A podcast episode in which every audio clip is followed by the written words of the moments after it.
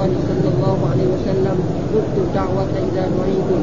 قال وحدثني محمد بن رافع. قال حدثنا عبد الرزاق. قال أخبرنا معمر بن أيوب عن نافع أن ابن عمر كان يقول عن النبي صلى الله عليه وسلم إذا دعا أحدكم أخاه فليجب موسى كان أو نحوه قال وحدثني إسحاق بن منصور قال حدثني عيسى بن المنذر قال حدثنا بقية قال حدثنا عبيد عن نافع عن ابن عمر قال قال رسول الله صلى الله عليه وسلم من هدي إلى عرس أو دين فليجب قال حدثني ابي بن مسعد الباجلي قال حدثنا بشر بن قال حدثنا إسماعيل بن عن نافع عن عن عبد الله بن عمر قال قال رسول الله صلى الله عليه وسلم قلت الدعوة إذا قال وحدثني هارون بن عبد الله. قال حدثنا حجاج بن محمد عن نافع عن ابن جريج عن ابن جريج. أخبرني موسى بن عقبة عن نافع قال سمعت عبد الله بن عمر يقول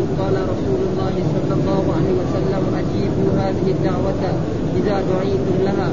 قال وكان عبد الله وكان عبد الله بن عمر يأتي دعوة في العرس وغير العرس ويأتيها وهو صائم قال وحدثني حرملة بن يحيى قال أخبرنا وهب قال حدثني عمر بن محمد النافع عن ابن عمر أن النبي صلى الله عليه وسلم قال إذا دعيتم إلى قراع فأجيبوا. قال وحدثنا محمد بن مثنى قال حدثنا عبد الرحمن بن مهدي حاء. قال وحدثنا محمد بن عبد الله بن زبير. قال حدثنا أبي قال حدثنا قال حدثنا سفيان عن الزبير عن جابر. قال قال رسول الله صلى الله عليه وسلم إذا دعي أحدكم إلى طعام فليجب. فإن شاء طعم وإن شاء ترك ولم يذكر ابن المثنى إلى طعام. قال وحدثنا ابن نمير قال حدثنا أبو عاصم عن ابن جريج عن ابن جريج عن أبي الزبير بهذا الإسناد بمثله.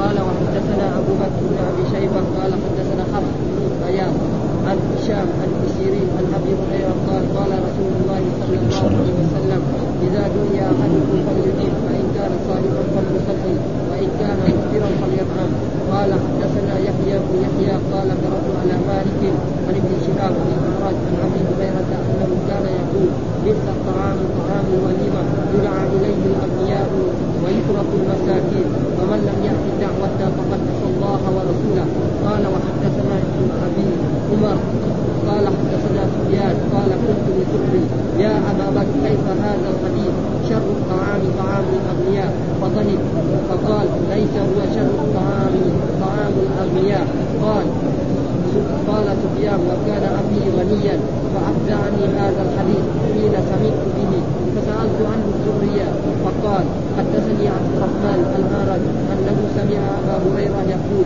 شر الطعام طعام الوليمة ثم ذكر بمثل حديث مالك قال وحدثني محمد بن رافع وعبد وعبد حميد وعن عن عبد الرزاق قال أخبرنا معمر عن الزهري عن سعيد بن المسيب بن المسيب عن الأعرج وعن أبي هريرة قال شر الطعام طعام الوليمة نحو حديث مالك. قال حدثنا ابن أبي عمر ابن أبي عمر قال حدثنا سفيان عن الهلال عن الأعرج عن أبي هريرة وذلك قال حدثنا ابن أبي عمر حدثنا قال حدثنا سفيان قال سمعت زياد بن نساء قال سمعت ثابتا عن أبي هريرة أن النبي صلى الله عليه وسلم قال شر الطعام طعام الوليمة يمنعها من يأتي من يأتيها ويدعى إليها من يأباها ومن لم يجب الدعوة فقد الله ورسوله.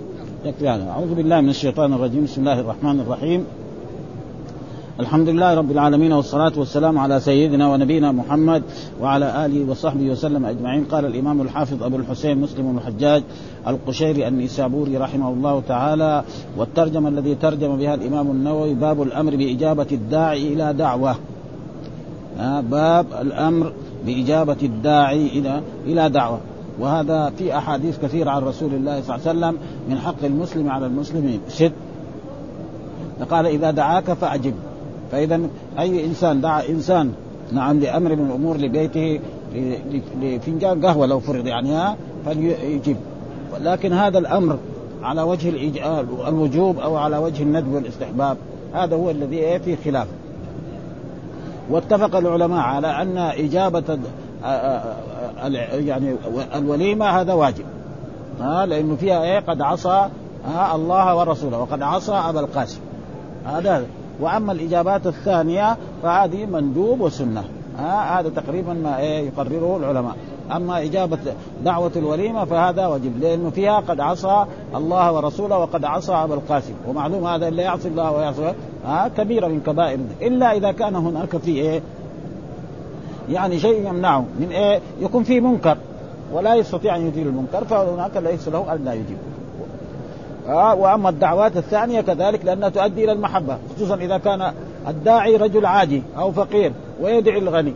فلما يروح يدخل عليه السرور ويقول هذا متواضع وهذا أكرمني وهذا أحسن إلي وهذا يجعل إيه؟ محبة بين المسلمين.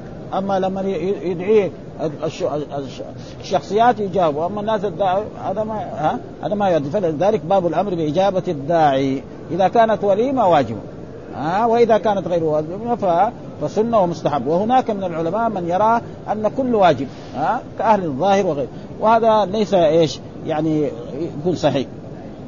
إيش الدليل على ذلك؟ قال حدثنا يحيى بن يحيى قال قرأت على مالك عن نافع عن ابن عمر قال قال رسول الله إذا دعي أحدكم إلى الوليمة والوليمة المراد هي وليمة العرس ها الزواج. وتكون إيه؟ قبل الزواج وبعد الزواج والأحسن تكون بعد الدخول. قال فليأتها. فين الأمر؟ فليأتها. ها؟ هذا. ها؟ إذا دعي أحدكم هذا إذا ظرف ودعي هذا يعني فعل الشرط ها؟ إلى وليمة فليأتها. طيب هذا؟ واجب. في الوليمة واجب وليمة العرس. أما وليمة غير العرس وليمة السابع مثلا ها؟ أو الختان أو غير الناس يساووا. نعم. فهذا لا يجب. إيش الدليل على ذلك؟ قال إذا دعوا فيه الأمر. قال بحضورها ولا خلاف في أنه مأمور به. ولكن هل هو أمر إيجاب أو ندب؟ فيه خلاف. هذا والأصح في مذهبنا أنه فرض عين. كده. ها لأنه إيه؟ فيها وعيد. ها لكن يسقط بأعذار سنذكرها إن شاء الله تعالى. والثاني أنه فرض كفاية. ها فرض كفاية يعني اذا إذا دعا ناس الوليمة وحضروا يكفي هذا. والثاني مندوب وهو مذهبنا في وليمة العرس. يعني الشافعية يروا أن إيه؟ وليمة العرس آه فرض كفاية. إذا دعا مئة نفر وحضروا خمسين خلاص يكفي. وأما غيرها ففيها وجهان لأصحابنا أحدهما أنها كوليمة العرس والثاني أن الإجابة إليها ندم. أما الولائم الثانية فهذه إيه؟ يكون مندوب. ونقل ونقل القاضي عياض اتفاق العلماء على وجوب الإجابة في وليمة العرس. يقول العلماء اتفقوا على وقد اختلفوا فيما سواه فقال مالك والجمهور لا تجب. الإجابة وقال أهل الظاهر تجب ومعلوم أهل الظاهر دائما آه عندهم خلاف. كل أمر للوجوب كل نهي آه حرام. وهذا تقريبا ما ما يستقيم مع النصوص. آه ما يستقيم مع النصوص. مثلا إذا دخل أحدكم المسجد فلا يجلس حتى يصلي. رجل دخل المسجد وجلس. نقول له فعلت حرام؟ شوية ما ها؟ يعني هذا ها؟ ما نقدر نقول له إيه فعلت حرام. وفلأجل ذلك الصحيح أن إيه ليس كل أمر للوجوب وليس كل نهي يعني للتحريم وهذا موجود في القرآن كثير مثلا الله ربنا يقول لا تؤاخذنا إن نسينا هذا في النهي لا تؤاخذنا هذا نحن بنهى الله لا يؤاخذنا؟ نحن بنشحد عاتين ها؟ ابدا ها؟ وكذلك مثلا في نفس مثلا في نفس الآية ربنا لا تؤاخذنا إن نسينا وأخطأنا ربنا ولا تحمل علينا إصرا كما حملته على الذين ربنا ولا تحملنا ما كل هذه إيه؟ هذه كلها دعاء ها يعني دعاء ها ودائما وكذلك في في في في, في قبلها مثلا في, نفس في نفس الآية آمن الرسول ما أنزل إليه من ربي والمؤمنون كل آمن بالله وملائكته وكتبه ورسله لا نفرق بين أحد منهم. قالوا سمعنا وأطعنا غفرانك ربنا وإليك المصير. لا يكلف الله نفسا إلا وسعها لها ما كسبت. فمثل هذا. ربنا لا تؤاخذ. هذا النهي ليس يعني نهي. إنما هو دعاء. وكذلك واحد لما يقول ربي اغفر لي. ربي اغفر لي. ربي ارحمني. ربي أدخلني الجنة. ما بيأمر. إن ولذلك الأمر إذا كان من الأعلى إلى الأدنى أمر. إذا كان من الأدنى إلى الأعلى يسمى دعاء. كذلك النهي إذا كان من الأعلى إلى الأدنى حرام. وإذا كان من الأدنى فيكون قد يكون دعاء. زي ربنا لا تؤاخذنا. نحن ما بهذا. ولأجل ذلك يعني الوليمة يعني أكثر العلماء على أن إجابة الوليمة واجب وليمة العرس. وأما غيرها فإما سنة أو مستحب أو فرض كفاية. هذا ما يقرره العلماء في إيه؟ في هذا. فقال مالك الجمهور لا تجب الإجابة. وقال أهل الظاهر تجب الإجابة إلى كل دعوة من عرس ونحوه. وقال بعض السلف وأما الأعذار التي يسقط بها وجوب إجابة الدعوة أو ردها فمنها أن يكون في الطعام شبهة. ها يكون رجل مثلا يتعاطى الربا أو غير ذلك أو يخص بها الأغنياء أو يكون هناك من يتأذى بحضوره معه أو لا تليق به مجالسته أو فيها منكر. ها فيها إذا فيها مناكر ولا يقدر يأمر ولا هذا وأن لا يكون هناك منكر من خمر أو لهو أو فرش حرير أو أو صور حيوان وغير مفروشة أو آنية ذهب أو فضة فكل هذا أعذار. فإذا كان مثلا في هذا في هذا الحفل يقدم مثلا فناجين من الذهب أو من الفضة. فله أن إيه؟ يمتنع. أو صور يصوروا يصوروا المدعوين. ولكن المشاكل كل ما لا تكثر. الآن يعني واحد قد يروح إلى حفل ولا هذا فيحصل أشياء مثل ذلك. وإذا ما وإذا ما أجبت الدعوة قد يحصل بينك وبين أقاربك وبين إخوانك أشياء آه لا تحمد آه وكذلك الحديث الثانية مثل ذلك. إذا دعاك فيه الأمر. ثم الحديث الثاني حدثنا محمد بن المثنى حدثنا خالد بن الحارث عن عبيد الله عن نافع عن ابن عمر عن النبي صلى الله عليه وسلم. قال إذا دعي أحدكم إلى الوليمة فليجب. برضه هذا أمر. ها لأن صيغ الأمر زي ما قلنا فعل الأمر فعل مضارع يدخل عليه لام الأمر كذلك مصدر كذلك اسم الفعل. ها لما نقول له صح بمعنى إيه؟ اسكت. مه بمعنى انكفف. هذه لو آه، يعني صيغ الأمر في اللغة العربية. سواء الله يبغى يأمر أو الرسول أو الأمير أو الحاكم أو الأب أو الأم عند هذه الصيغ في اللغة العربية. ها هذه. فهنا فليجب ما إيه برضه زي فليأتيها. سوا سوا. وعلى خالد فاذا ها فإذا عبيد الله ينزل ها عن عن العرس. فإذا عبيد الله ينزله على العرس. يعني إيه؟ يجعل هذا فليجب في إيه؟ بس يعني يشمل العرس. أما إذا دعا وليمة مثلا ختان. الناس يساووا. يختن ولد يساوي دعوة. ها؟ عقيقة. فهذا يكون سنة. اذا الوليمة الذي يجب إجابتها هي وليمة العرس.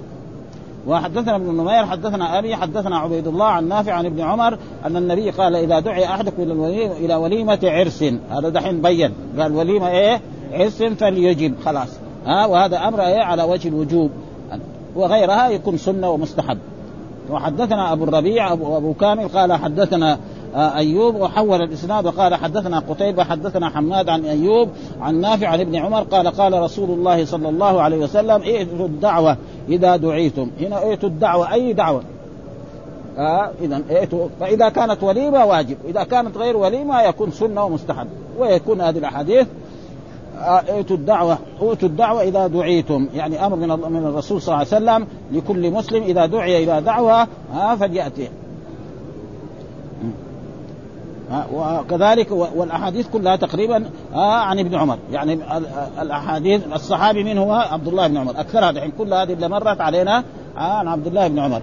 وحدثنا محمد بن رافع حدثنا عبد الرزاق حدثنا معمر عن أيوب عن نافع ان أن ابن عمر كان يقول عن النبي صلى الله عليه وسلم إذا دعي أحدكم إذا دعا أحدكم أخاه فليجب عرسا كان أو نحوه.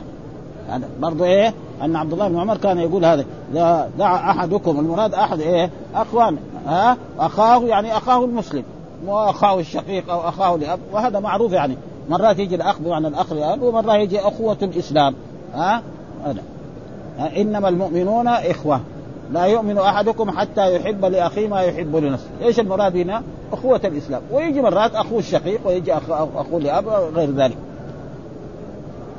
وحدثنا إسحاق بن منصور حدثني عيسى بن المنذر حدثنا بقية حدثنا الزبيدي عن نافع عن ابن عمر. برضو الأحاديث نافع ابن عمر.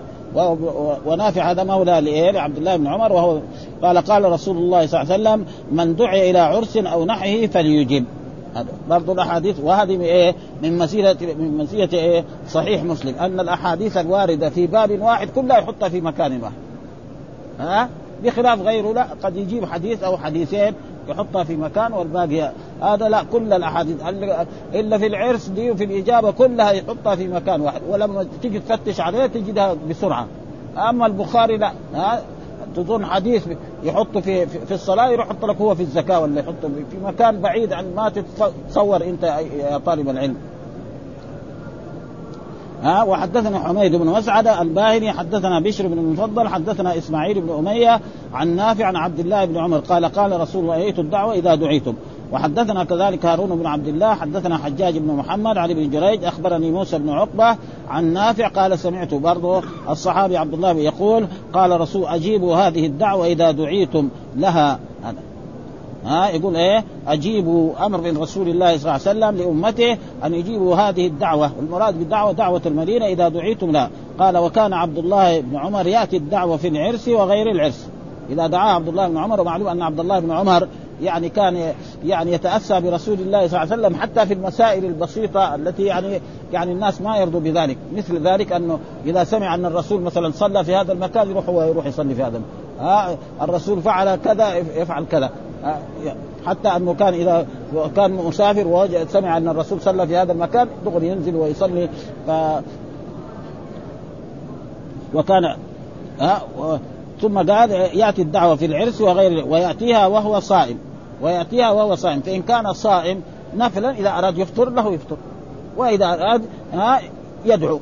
يعني فليصلي. جاء في حديث بعده إذا كان صائما فليصلي. إيش معنى فليصلي؟ فليدعو. ومعلوم أن الصلاة لها معنيان يعني. معنى لغوي ومعنى شرعي. فالمعنى اللغوي معنى الدعاء. وصل عليهم إن صلاتك سكن لهم. يعني إيه؟ ادعو لهم. ها وأن الرسول كان إذا أتاه رجل بصدقته يقول اللهم صل على فلان. ها وقال صحابي يقول تابعي ابن أبي أتى لرسول الله بصدقة فقال صل على اللهم صل على آل أبي أوفى. معناه إيه؟ تعالى. ها؟ والصلاة الثانية الصلاة الشرعية وهي أقوال وأفعال تفتتح بالتكبير وتختنه بالتسليم. وهذه لا تصح إلا لله سبحانه وتعالى. فلا يجوز لأحد أن يصلي لأحد قريب أو أب أو أخ. نعم ابدا. يعني لابد إيه؟ الصلاة هذه لا تصح إلا لله. ولذلك في حديث في الترمذي لا يصلي أحدكم عن أحد. بهذا النص. لا يصلي أحدكم عن أحد. أما الصلاة اللغوية فهذه جائزة. وجاء في احاديث برضو مرت علينا أن رجلا قال يا رسول الله هل بقي من ود أبوي شيء بعد وفاتهم ها؟ قال أن تصلي على اقارب فإذا كان في عمه أو ابن عمه أو ابن خاله أو أصدقائه اللي كانوا يجالسهم يعني تدعو لهم ها وتودهم تكرمهم وتحسن إليهم. فهذا معنى فإن كان عبد الله بن عمر يذهب. فإذا أراد أن يأكل له أن يأكل. إذا كان نافع. لأنه المتطوع أمير نفسه. إن جاء إن شاء صام وإن شاء إيه أفطر. ثم قال وهو صعب وحدثنا حرملة بن يحيى أخبرنا ابن وهب حدثني عمرو بن محمد عن نافع عن ابن عمر أن النبي صلى الله عليه وسلم قال إذا دعيتم إلى كراع فأجيبوا. إيش الكراع هو المقدم. يعني الذي تمشي عليه الشاة. هذا هو. فلو الرسول دعي إلى كراع فأجيبوا إذا دعيتم إلى كراع فأجيبوا في بعض العلماء فسر الكراع المراد إيه؟ مكان. يعني بين إيه؟ بين المدينة ومكة. على جهة السواحل. هذا يسمى كراع الغميم وفي كراع كمان بعيد. ها فالكراع المراد به يعني المقدم. ها يعني ما تمشي عليه الشاة هذا يسمى. ومعلوم الكراع هذا. يعني ها؟ وجاء في أحاديث آه لا تحقرن جارة لجارة ولو فرسا شاة. الفرسن ما تمشي عليه الشاة. الاظفار دي الصغيرة. هذه ما تساوي شيء. لو واحد يعني غلاها في جاب مويه وغلاها ما يساوي شيء. لكن المقدم لحاله واحد غلا يساوي إيه؟ شوية دسم ويشربوا يساوي مرق. ها؟ فلذلك هنا. فهنا في هذا الحديث إذا دعيتم إلى كراع فأجيبوا. محل الأمر فاجيبوا فعل إيه؟ أمر. يعني مهما إنسان دعاك مهما كان من الأمر فإنت يعني يندبك الرسول صلى الله عليه وسلم ويأمرك أن تجيبه. حتى لو كان شيء بسيط مو اكله ممتازه وحدثنا محمد بن المثنى وحدثنا عبد الرحمن بن مهدي حول الإسناد وقال حدثنا محمد بن عبد الله بن نمير حدثنا أبي قال حدثنا سفيان عن أبي الزبير عن جابر قال قال رسول الله إذا دعي أحدكم إلى طعام فليجب. إلى طعام ايا كان. فيدخل في إيه؟ الولائم الثانية. ها؟ ولائم العقيقة ولائم الختان ولائم هذا يعني أشياء كثيرة. فإن شاء طعم وإن شاء ترك. يعني ما يلزم يأكل. ها؟ ولكن لو أكل أحسن. لأنه إذا أكل يدخلهم إيه؟ الداعين السرور. وأما إذا ما أكل قد يعني يتهم بشيء. ها؟ ولم يذكر إيه؟ ها؟ ولم يذكر ابن المثنى إلى طعام. لا بس إيه ذكر يعني إذا إذا دعا أحدكم إذا دعا إذا دعي أحدكم فليجب بس. ما قال إلى طعام. ها؟ وكذلك قال حدثنا ابن نمير حدثنا أبو عاصم عن ابن جريج عن أبي الزبير بهذا الإسناد مثله. ها؟ إذا دعا أحدكم إيه إيه يعني إلى طعام فليجب. أو إذا آه إذا دعا أحدكم فليجب. بعضهم فيها طعام وبعضها أي شيء دعوة فليجب. وفليجب برضه الأمر إيه؟ للندب والاستحباب وليس يعني لل هذا للوجوب. وحدثنا أبو بكر بن أبي شيبة حدثنا حفصة ابن غياث عن هشام عن ابن سيرين عن أبي هريرة قال قال رسول إذا دعا دعي أحدكم فليجب برضه. ها دعي أحد. دحين الأحاديث تغيرت عن أبي هريرة دحين. ها ولا قبله كذلك عن ابن جريج عن أبي الزبير بهذا الإسناد. دحين الصحابي صار أبو هريرة. قال قال إذا دعا أحدكم فليجب فإن كان صائما فليصلي. إيه فليصلي فليدعو. إيش معنى فليصلي؟ في ليس معناه الصلاة. فإذا كان في ناس كمان يساووا فلسفة كثيرة يعني رأيناهم من طلبة العلم يقول لا بالله يقوم يصلي هنا ركعتين. فهذا ما يعني تقريبا ما هو. إنه محل وعلى كل حال إذا كان هو يعني رجل طيب فإن أصحاب رسول الله قد فعلوا ذلك. مع عقبان لما صار مريض يعني صار كبير سنه وصار ضعف نظره جاء دعا رسول الله صلى الله عليه وسلم إلى بيته وقال له إيه لت يعني لتصلي لي هنا حتى إذا صار ما أستطيع أخرج من المسجد وهذا ها للبركة يعني. فهذا يمكن يعني. وإن كان مفطرا فليطعم. يعني كان مفطرا فليطعم. لأنه يدخل على إيه؟ الداعي السرور. ها؟ إذا إنسان دعاك وأكلت من طعامه فإنه يدخل عليه السرور إيه في ذلك.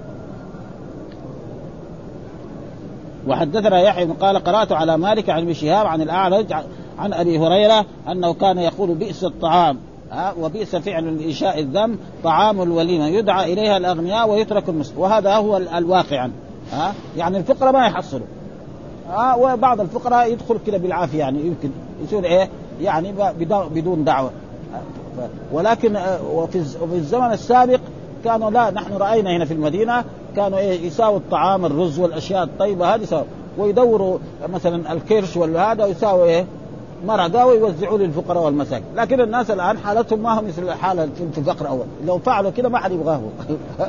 ها؟ وإلا أول كان يعني هكذا. ها؟ يساوي وليمة شخصية من الكبار يعمل وليمة يساوي وليمة رز وطعام وكل شيء. بعد ذلك يأخذ الكرش والفشة وأمثال ذلك. يجعلها قدر كبير ويعطي الفقراء من ذلك فلذلك والا كان لازم المحتاجون هم الذي يدعون إلى الوليمة. ها ابدا واحد ما يعني قليل تجد واحد محتاج إنه يدعى. فلذلك قال سيبيس الطعام طعام يدعى إليه الأغنياء. الشخصيات هم الذي يدعى إليه ويترك المساكين ابدا. المساكين ما أحد يدعوهم هو رجل شخصيا إيش ولا يعرف المساكين ولا يعرف اشخاصهم حتى يدعوه. قال فمن لم يأتي الدعوة فقد عصى الله ورسوله. وهذا مما يدل على أن إجابة وليمة دعوة الوليمة هذا واجب لأنه إيه فيها قد عصى الله ورسوله. ومعصية الله ورسوله لا يكون إلا من ترك إيه واجب. كما انه إذا لعن كذلك. ها وحدثنا ابن أبي عمر حدثنا سفيان قال قلت للزهري ها الذي الزهري هو شيخ المحدثين في الحجاز يعني يسمى مره الزهري ومصر يسمى محمد بن مسلم ومره ابن شهاب. هو شخص واحد. ابن شهاب هو محمد بن مسلم. الزهري هو محمد بن مسلم. ها؟ يا أبا بكر وهذه كنيته ها؟ لأنه عالم. فيكن إيه؟ يا أبا بكر كيف هذا الحديث شر الطعام طعام الأغنياء؟ فضحك. فقال ليس هذا هو هو شر الطعام طعام الأغنياء. قال سفيان كان أبي ها فأفزعني هذا الحديث حين سمعت فسألت عن الزهري فقال حدثني الأعرج قال شر الطعام طعام الوليمة ثم ذكر. يعني ها يعني الأصل طعام الوليمة. ومعلوم أن الولائم يدعى فيها الأغنياء ما يدعى فيها يعني الناس هذا. فإذا الحديث يعني الذي يريد أبو بكر قال شر الطعام طعام الأغنياء فضحك. يعني ما الحديث ما هو كذا. ها؟ فقال ليس هو شر الطعام طعام الأغنياء. قال غنى غنيا. فأفزعني هذا الحديث حين سمعت فسألت عنه الزهري شيخ المحدثين فقال لا. حدثني عبد الرحمن أن شر الطعام طعام الوليمة. طعام طعام الوليمة. لأن الأغنياء إذا ساووا وليمة يدعو الأغنياء. ولا يدعو الفقراء ولا المساكين ولا يحصلوا شيء. فلذلك سماه الرسول شر الطعام طعام إيه؟ الأغنياء على هذا المعنى ويكون هذا من رواية إيه؟ بالمعنى. هنا يقول نقرأ إلا في الشرح شيء منه. ها إذا دعا بالوليمه عرس فليجب. قد يحتج به من يخص وجوب الإجابة بالوليمه بوليمة العرس ويتعلق الآخرون بالروايات المطلقة. ها فليجب. إذا دعاكم فليجب. ما في لا, لا. ولقول صلى الله عليه وسلم في الروايه التي بعد هذه إذا دعا أحدكم أخاه ها فليجب. عرسا كان أو نحوه. ويحملون هذا على الغالب أو نحوه من التأويل والعرس بإسكان الراء وضمها لغتان مشهورتان وهي مؤنثة وفيها لغة بالتذكير وقوله صلى الله عليه وسلم إذا دعيتم إلى كراع فأجيبوا. والمراد هنا عند الجمهور كراع الشاة ها كراع الشاة. قال وغلط بعض من حمله إلى كراع الغميم. كراع الغميم غير هذا مكان يعني بين المدينة ومكة يعني المحلات الساحلية. ها فإذا كانت قبل لا يساوي الاسفل إذا جاءت الأمطار هناك السيارات تغرز نحن رايناها يعني. ابدا ولا تقدر تخرج ابدا. وكانت السيارات مو زي السيارات الآن. يعني قبل 40 سنة قبل 50 سنة. ف... ف... فهذا وكذلك في كراع يعني الصحابة قالوا للرسول صلى الله عليه وسلم لو خطه بها برك الغمام هذا برك الغمام يعني ها؟ فهذا غير. وقال صلى الله عليه وسلم إذا دعا دعا أحدكم إلى طعام فإن شاء طعم وإن شاء ترك. يعني إذا حب يأكل يأكل. وإذا ما أكل فليدعو وليصلي فإن كان صائما فليصلي يعني فليدعو وإن كان مفطرا فليطعم. اختلفوا في معنى فليصلي. قال الجمهور معناه فليدعو لأهل الطعام بالمغفرة والبركة ونحو ذلك وأصل الصلاة في اللغة الدعاء. ومنه قوله تعالى وصل عليهم وقيل المراد والصلاة الشرعية بالركوع والسجود أن يشتغل بالصلاة ليحصل له فضلها ولتبر ولتبرك أهل المكان والحاضرين. وأما المفطر في الرواية الثانية أمره بالأكل. وفي الأولى مخير واختلف العلماء في ذلك والأصح في مذهبنا أنه لا يجب الأكل في وليمة العرس. ها مقصود إيه؟ الإجابة فإذا أجاب ها لأنه هذا يدخل السرور على على أصحاب الدعوة ويكون بينهم أخوة ومودة وخصوصا إذا كان هذا عظيم وهذا رجل عادي وأجابه إلى غير ذلك. وتأول الأولون على من كان صائم ومن لم يجب اعتمد التصريح بالتخيير. وفي الرواية الأولى حمل الأمر في الثاني على الندب. عمل الثانية على الندب والسني وإذا قيل بوجوب الأكل فأقله لقمة ولا تلزمه الزيادة لأنه يسمى أكلا. فإذا أكل لقمة يسمى ولهذا لو حلف لا يأكل حنس بلقمة.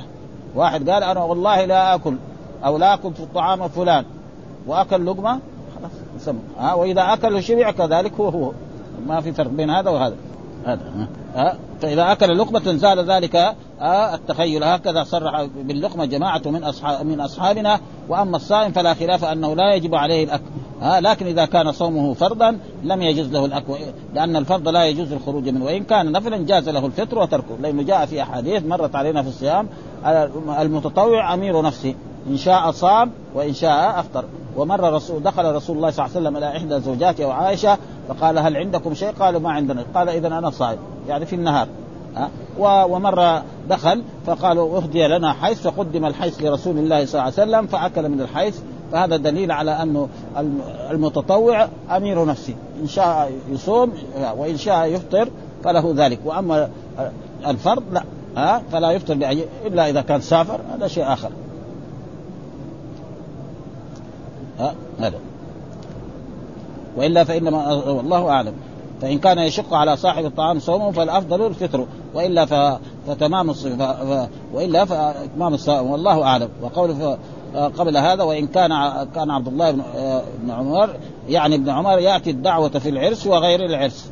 يعني أي إنسان دعا عبد الله بن عمر كان يأتي هذه الدعوة سواء كانت عرسا أو غير. فيه أن الصوم ليس بعذر في الإجابة وكذا قال أصحابه وقال إذا دعي وهو صائم لزمه الإجابة كما يلزم المفطر ويحصل المقصود بحضوره وإن لم يأكل فقد يتبرك به أهل الطعام والحاضرين. يتبرك بإيه؟ بالحاضر بأن يكون مثلا رجل من طلبة العلم. يعني يبحث بحث علمي. ها؟ ها, ها؟ بس الناس يعني كثيرا يعني كثير بعض طلبة العلم يعني بيساووا أشياء يعني تقريبا ما لها. هذا مثلا دعي إلى وليمة. ها؟ الناس لما يدعى إلى الولائم جايين لإيه؟ يعني خصوصا طلبة العلم جايين للراحة يعني. فما فإن كان لابد مثلا يدعو يأتي بكلام قليل ها؟ يدعو للعروسين ويقول بارك الله لك. أما يقعد يساوي ساعة ولا ساعة ونص هذا تقريبا ما هو يعني ما هو من الذوق يعني. لأن الناس ما جاوا هنا دحين يتحدثوا مثلا هم طلبة علم بيروحوا في في مدارسهم وفي مساجدهم هناك محل الحديث. فإن كان لابد فمعليش شخص يتكلم كلمتين ها؟ يهنئ العروسين نعم. ويدعو للعروسين ويقول بارك الله. هذا. أما يدخل في مواضيع علمية الناس ما جاءوا لهذا. يعني هذا برضه ما هو ما هو لائق ابدا يعني في إيه؟ في ولائم العرس ابدا. ها يصير محاضرة في المسجد ولا محاضرة في المدرسة يساوي كمان زي ما يرى ها ويكون وجاء في الأحاديث عن في في جمعة الخطبة يقول أن يعني من فقه الإنسان أن يكون إيه؟ يعني خطبته يعني يعني صلاته طويلة وخطبته قصيرة. هذا يعني الأشياء التي كان يعني يفعلها الناس له. فإن ليس بعذر في وكذلك قال وإذا دعي وهو صائم لزمه الإجابة كما يلزم ويحصل المقصود بحضوره. وإن لم يأكل فقد يتبرك به أهل الطعام والحاضرون به وقد يتجملون به وقد ينتفعون بدعائه أو بإشارته. وينصرون ويتركون الأشياء اما أما لا يصير يعني في بعض الأشياء إذا حضروا يعني ما يقدر يسويها ها؟ حتى سمعنا يعني في أخبار جديدة أنه مثلا في في ولائم العرس منعوا الشيش فإذا هذا تم كمان طيب ها؟ خلاص برضه يصير إيه؟ فيها أشياء يعني أحسن مما كانت عليه. شر الطعام طعام الوليد ذكره مسلم موقوفا على على أبي هريرة ومرفوعا إلى رسول الله صلى الله عليه وسلم وقد سبق أن الحديث إذا روي موقوفا ومرفوعا حكم برفعه. ليه؟ لأن الثقة رفعه. ها؟ لما واحد صحابي يرفع الحديث الصحابة كلهم عدول. ما فيش كلام يعني. ها؟ لو كان واحد مثلا تابعي ها؟ مرة رفع ومرة هذا يجي نقاش معه. أما الصحابي الصحابة كلهم عدول. ما في أبدا. ها؟ والصحابي إيش هو تعريفه؟ من اجتمع بالرسول ولو لحظة واحدة ومات على الإيمان به. هذا الصحابي تعريفه يعني عشان بعضهم يقول لا ها من رأى الرسول. بعدين من رأى الرسول بعدين الكفاء ما يدخل ها عبد الله بن مكتوم ما يدخل. وهذا تعريف أحسن تعريف. ها أحسن تعريف. أما يقول من رأى العمي بعدين يصير معهم صحابة. ومؤذن رسول الله صلى الله عليه وسلم يعني هذا تقريبا هو أحسن شيء في إيه؟ تعريف الصحابة.